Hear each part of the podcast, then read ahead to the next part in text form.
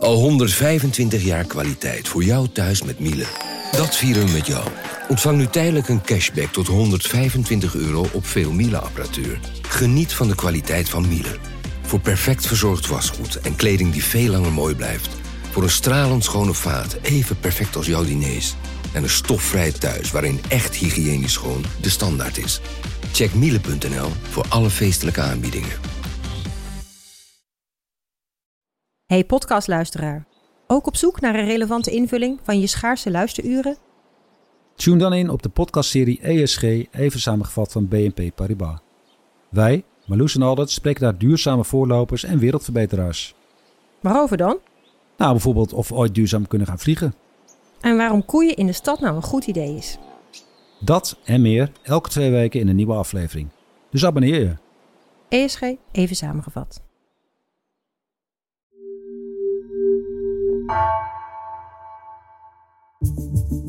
Vanaf de redactie van NRC het verhaal van vandaag. Mijn naam is Gabriella Ader.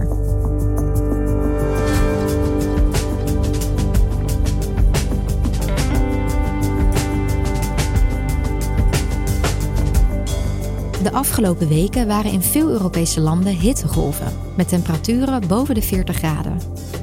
Vorig jaar vielen door de hitte meer dan 61.000 doden. Wetenschapsjournalist Niki Kortenberg legt uit waarom hitte zo gevaarlijk kan zijn en hoe Europa zich kan voorbereiden op de steeds hetere zomers.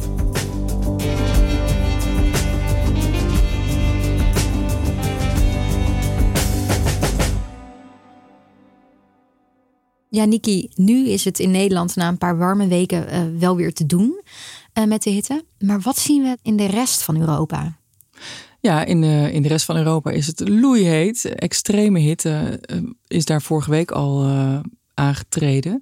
En dat loopt deze week nog door. Weercode rood in 15 steden in Italië. En ook in andere delen van Europa zijn er waarschuwingen voor extreem warm weer. Mensen die zuchten daar echt onder temperaturen boven de 40 graden. En op sommige plekken wordt nou 44, 44,5 graden is volgens mij al uh, aangetikt. Ja, die temperaturen dat blijft toch wel zorgenbaar. Ook de komende dagen zal het nog heter kunnen worden. Temperaturen die bijvoorbeeld in het zuiden van Turkije ruim 40 graden kunnen bereiken. En ook in Spanje temperaturen die op zo'n 40 graden uitkomen in het binnenland. En in die landen rond de Middellandse Zee zijn ze natuurlijk ook wel wat gewend. Hè? Daar is het ieder jaar heel heet in de zomer. En ook regelmatig zijn er hittegolven. Maar uh, deze is wel echt extreem. Zuid-Europa zucht onder een hittegolf. Temperaturen van 45 graden Celsius. En volgens dit bericht kan in Spanje de grondtemperatuur oplopen tot wel 60 graden. En ook in Frankrijk en delen van Duitsland en zelfs tot Polen is het behoorlijk heet. En zulke extreme hitte is gewoon echt gevaarlijk. Daar vallen echt doden bij. En er is een uh, recente studie, die is vorige week uitgekomen. En daar hebben ze gekeken naar de, de zomer van vorig jaar, dus 2022. Uh, die was de heetste zomer in Europa tot dan toe. Of in elk geval sinds 1950. En ze hebben uh, berekend hoeveel doden daar zijn gevallen ten gevolge van de hitte. En dat zijn er 61.000. Echt heel veel doden. Dat is voornamelijk dan in die landen rond de Middellandse Zee. Koploper is Italië. Maar je ziet ook toch in andere Europese landen dat er doden vallen. Ja, en dat roept natuurlijk de vraag op: wat staat Europa en, en ook Nederland te wachten als die zomers steeds heter worden? Ja, Nicky, wat weten we nu eigenlijk over die hitte? Hè? Hoe erg zal het de komende jaren gaan stijgen? Ja, tot nu toe was dus die zomer van 2022 de heetste zomer ooit in Europa. Uh, maar ja, we zijn nu alweer hard op weg om, om dat record te breken, volgens mij. En op heel veel plekken op de wereld sneuvelt het ene hitterecord na het andere. Vorige maand was de warmste juni ooit gemeten. En mogelijk worden er de komende dagen opnieuw records gebroken. Vandaag was het de warmste 8 juli ooit gemeten in Nederland. En het is ook de warmste dag van dit jaar tot nu toe. En dan helemaal naar de andere kant van de wereld, naar China, waar ze een record neerzetten van 52,2 graden. Bijna 2 graden meer dan het vorige record. En ja, je ziet zowel de luchttemperatuur als, als de temperatuur van het zeewateroppervlak. Die hebben een record bereikt in juni. En de Wereldmeteorologische Organisatie, die, die, die dat allemaal bijhoudt, die verwacht ook dat er dit jaar nog veel meer records zullen sneuvelen. Ja, en je zegt hè, dit jaar, hoe komt het dat het een naar het andere record wordt verbroken? Uh, ja, dat heeft met veel verschillende dingen te maken. Maar een belangrijke oorzaak is natuurlijk toch gewoon de opwarming van de aarde, die al decennia aan de gang is. En een van die effecten van die klimaatverandering is dat er uh, het temperatuurverschil tussen de polen en de evenaar kleiner wordt. En dat heeft effect op de straalstroom. Het is een, een hele harde, nou ja, zeg maar wind die, die rond de aarde waait. En uh, die waait dus minder hard en die zorgt ervoor dat hoogdrukgebieden langer blijven hangen. Dus daardoor blijft het ook langer heet en ook wordt het heter. Uh, dat is een van de effecten. Een ander effect waar we in Europa ook wel dingen van merken, is dat de Sahara in Afrika, het Afrikaanse continent, zich steeds verder uitbreidt naar het noorden en daarmee dus ook de hitte verder naar boven schuift, bij wijze van spreken. Dus dat is natuurlijk waarom die Zuid-Europese landen dat voelen. Daar krijg je wel effecten van, maar ook in Nederland zullen we dat merken. En het is ook bekend dat van alle continenten Europa het meeste opwarmt. Dat warmt ruim 1 graad Celsius meer op dan het wereldwijd gemiddelde. Dus de wereld warmt sowieso op door klimaatverandering, door broeikasuitstoot. En in Europa is dat dus nog iets hoger. En hoe gaan de komende zomers er dan uitzien, denk je? Ja, de verwachting is toch dat er meer hittegolven zullen komen en dat die ook extremer zullen zijn. En als er meer hitte is, krijg je ook meer uitdroging. Dat zie je nu ook al. Ook in Europa is er heel veel droogte. En droogland warmt nog meer op. Want als je vocht hebt, dan kan dat verdampen. En dan raakt een bodem ook zijn warmte weer kwijt. En een, een drogere bodem, die, eh, die houdt meer hitte vast. Dus ja, je krijgt ook een vicieuze cirkel waarbij het steeds nog erger wordt. Want op Sicilië is ooit de, de heetste temperatuur ooit in Europa gemeten. Dat is 48,8 graden. La temperatura più alta mai registrata in Europa è quella toccata oggi a Floridia, che è un paesino del Siracusano dove si trova il nostro inviato Giuseppe Laveni. Sì, qui si sono sfiorati i 50 gradi. Alle 13.14 in questa cittadina del Siracusano il termometro è arrivato a 48,8. Record en ze waren in elk geval vorige week al bang dat ze dat misschien zouden gaan uh, overtoepen dit jaar. Ja. Sardinië zag ik net nog, daar tikken ze volgens mij ook al 44, 45 graden aan. Dus uh, ja, het zijn echt extreme temperaturen. Ja, mijn familie woont op Sicilië, dus ik ga er elk jaar heen. Stel, ik ga daar weer uh, naartoe. Hoe gevaarlijk is dat dan voor mij? Ja, hitte kan dus wel echt gevaarlijk zijn. Voor jongere mensen zoals jij minder snel. Maar ook jongere mensen moeten natuurlijk opletten. Wat je krijgt, je lichaam is 37 graden. En dat probeert de hele tijd die temperatuur vast te houden. Dus als het koud is, dan ga je rillen om je lichaam warm te houden. En als het warm is, dan wil je die warmte afgeven. Uh, dat gebeurt onder andere door zweten, maar ook door, door straling en ook door het aan de lucht af te geven. Uh, maar zweten is natuurlijk een belangrijk mechanisme, zeker als het heel heet wordt. Ja. En je lichaam maakt je bloedvaten wat wijder, zodat er meer bloed langs je huid stroomt. En dat hete bloed dat kan dan zijn hitte afgeven aan de lucht. En daardoor hou je je lichaam op temperatuur. Dat is hoe je lichaam het graag wil en hoe die de balans probeert te houden. Maar als het heel heet is, dan kun je hittestress krijgen. Je lichaam kan hittestress krijgen. En er zijn eigenlijk drie fases in. De eerste is oververhitting. En dat, ja, dat hebben we allemaal wel eens gehad. Dan word je een beetje licht in je hoofd en je krijgt hoofdpijn. Je kan dikke enkels krijgen. Soms krijg je ook van die soort blaasjes op je huid die heel erg jeuken. Dat is een teken dat je echt wel moet opletten dat je voldoende blijft drinken. En ook niet te veel je moet inspannen. Ja, en uit de zon moet gaan. En uit de zon moet gaan, liefst wel. Dat is natuurlijk altijd een goed idee. Maar nou ja, bij, bij oververhitting ja, is drinken en, en rustig aandoen het, het belangrijkst. Maar de tweede fase is uh, hitteuitputting. Dat, dat noem je ook wel zonnesteek. Dat woord kennen we natuurlijk wel, maar ja, de meeste mensen weten ook niet precies wat dat is. Nou ja, dan is je lichaam wel echt heel hard aan het uh, werk om die hitte kwijt te raken. Je hart gaat wat sneller kloppen, omdat natuurlijk dat bloed wil die nog meer langs je huid laten stromen. Maar je kan ook flauw vallen, je kan heel misselijk worden, overgeven zelfs. Uh, je gaat vaak heel veel zweten en je wordt heel bleek, dus je krijgt een beetje dat klamme zweet. Het is echt wel duidelijk dat er iets aan de hand is. Dan moet je natuurlijk ook heel veel drinken en uh, rustig aan doen. En vooral ook uit de zon gaan en je lichaam koelen. Dus in het koel water springen, oh, ja. onder een koele douche. Of als dat niet in de buurt is, met koude lappen je lichaam koelen. Dus zonnesteek is toch al vrij ernstig te horen. Ja, dan moet je echt wel even actie op ondernemen. Ja. Ja. ja. Want de derde fase, ja, dat, dat wordt echt wel kritiek. Dat is de hitteberoerte. En dan kan je lichaam echt die temperatuur niet meer goed vasthouden. Dan, dan loopt die op. Je krijgt koorts, dus echt boven de 39 graden. En je hebt een nog veel hogere hartslag. Je bent helemaal rood aangelopen juist. Dus dat, dat klammer ze juist af.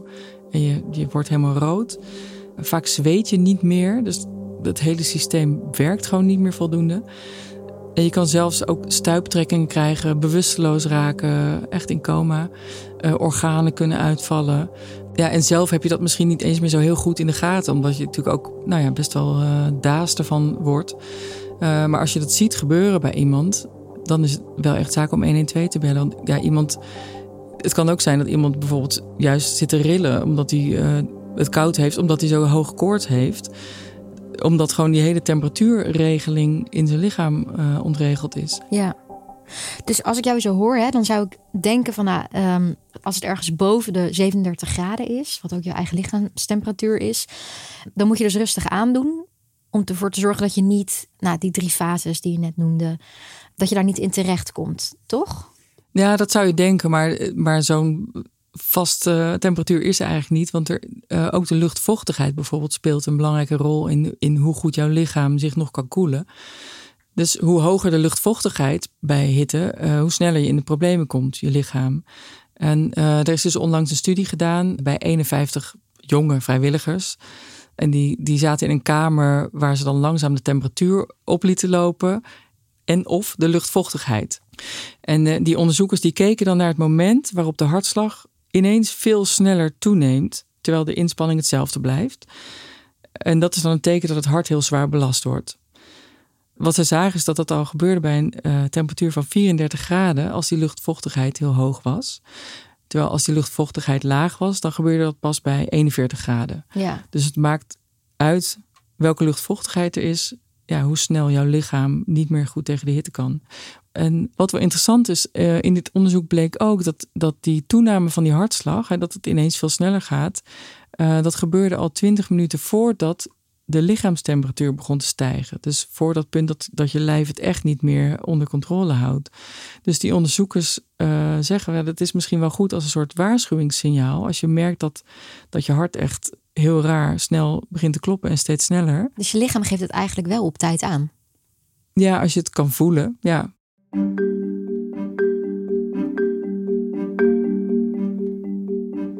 In het begin van ons gesprek had je het ook al over die 61.000 uh, mensen die zijn overleden. Aan, ja, uh, aan, aan, vorig jaar. Ja. ja. vorig jaar aan de hitte. Wie lopen nou het meeste risico? Het grootste risico lopen ouderen. Dus 65-plussers. En hè, hoe ouder je wordt, hoe hoger het risico. In die studie waar we het over hadden in het begin daar zijn veruit de meeste sterfgevallen in de groep 80 plus. Hoe komt dat? Ja, een ouder lichaam kan minder goed omgaan met hitte. Sowieso als je ouder bent merk je ook minder goed dat je dorst hebt. Die dorstprikkel is minder. Dus oh. ja, de neiging om te drinken is lager. En ouderen hebben ook al vaker last van, van hartziekten of andere ziekten. En dat maakt ook kwetsbaarder, want je hart wordt natuurlijk gewoon zwaar belast door die hitte. En nou ja, daarnaast, ouderen hebben natuurlijk al die ziekte, wat ik zei. En eh, die gebruiken vaak ook medicijnen tegen die ziekte. Bijvoorbeeld uh, plaspillen om vocht af te drijven. En dan, dat kan natuurlijk dan zo'n evenwicht, zo'n vocht in, in je lichaam, kan dan al sneller uh, kritiek worden. Ja, dat die balans helemaal verstoord ja, raakt. Ja, dus uh, het is bij hitte vooral zaak dat je echt goed op de oudere mensen om je heen let. En uh, zorgt dat ze voldoende blijven drinken en in, in de koelte zitten. Ja. Wat jij nu allemaal vertelt, klinkt wel echt alarmerend. Ja, kunnen we ons hier op een of andere manier toch op voorbereiden? Ja, en dat zijn landen ook wel aan het doen. Uh, er was bijvoorbeeld ook in 2003 al een heel extreme zomer. Goedenavond. Smeltend asfalt op de snelweg. Kilometerslange bermbranden naast het spoor. En een zwemverbod vanwege de blauwalg. Het zijn de directe gevolgen van de hittegolf. Die sinds half twaalf vanmiddag officieel is vastgesteld in meetcentrum De Beeld.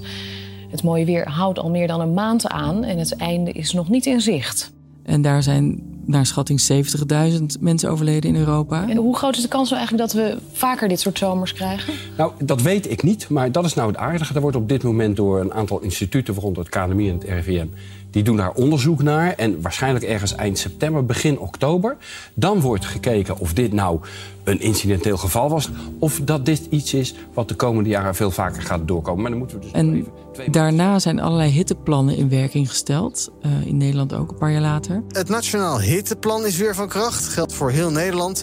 We gaan een uh, hittegolf tegemoet. En... Sinds het begin van de metingen in 1901 is dit niet eerder voorgekomen... dat het in Nederland 40 graden werd of warmer. Het gaat dus opnieuw erg warm worden. En daarom stelt het RIVM voor morgen weer het Nationaal Hitteplan in. Dat is toch wel redelijk serieus. Ja, absoluut. Het is door de overheid ingesteld om mensen toch te waarschuwen voor uh, die warmte en om tips te geven wat ze moeten doen aan die warmte. Ik heb hier bijvoorbeeld het uh, Nationaal Hitteplan uh, van het RIVM voor me.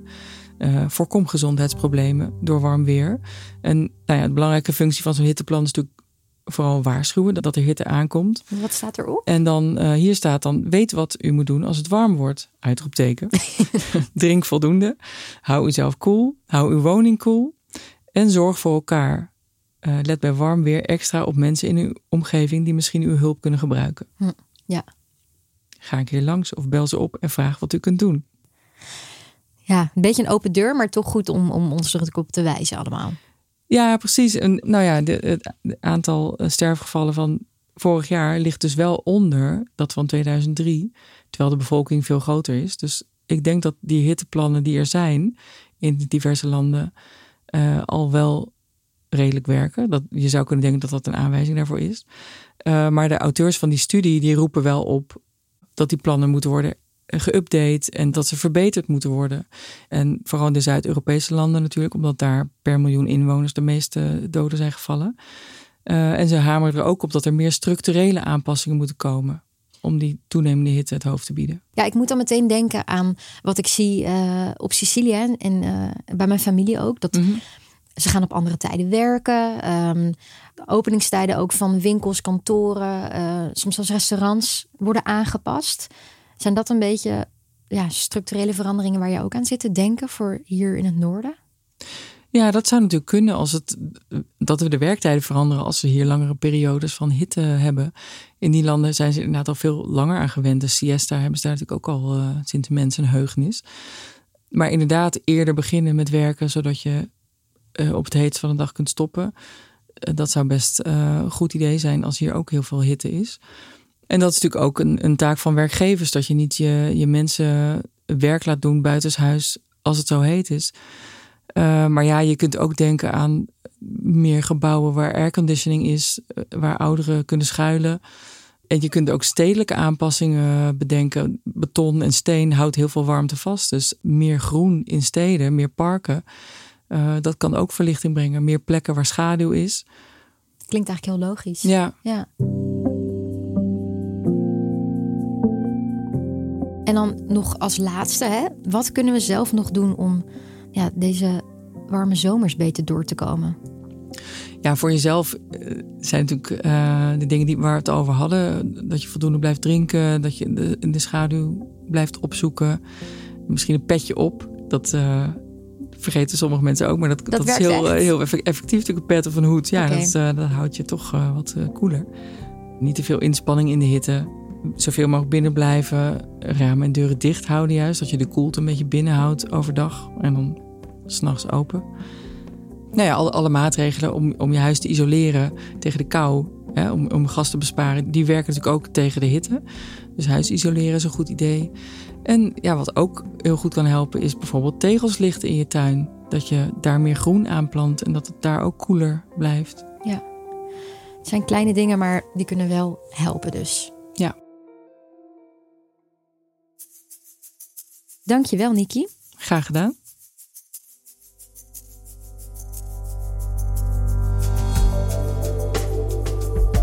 Je luisterde naar vandaag, een podcast van NRC. Eén verhaal, elke dag. Deze aflevering werd gemaakt door Anna Korterink, Iris Verhulsdonk, Esmee Dirks en Misha van Waterschoot. Coördinatie door Nina van Hattem. Dit was vandaag, morgen weer.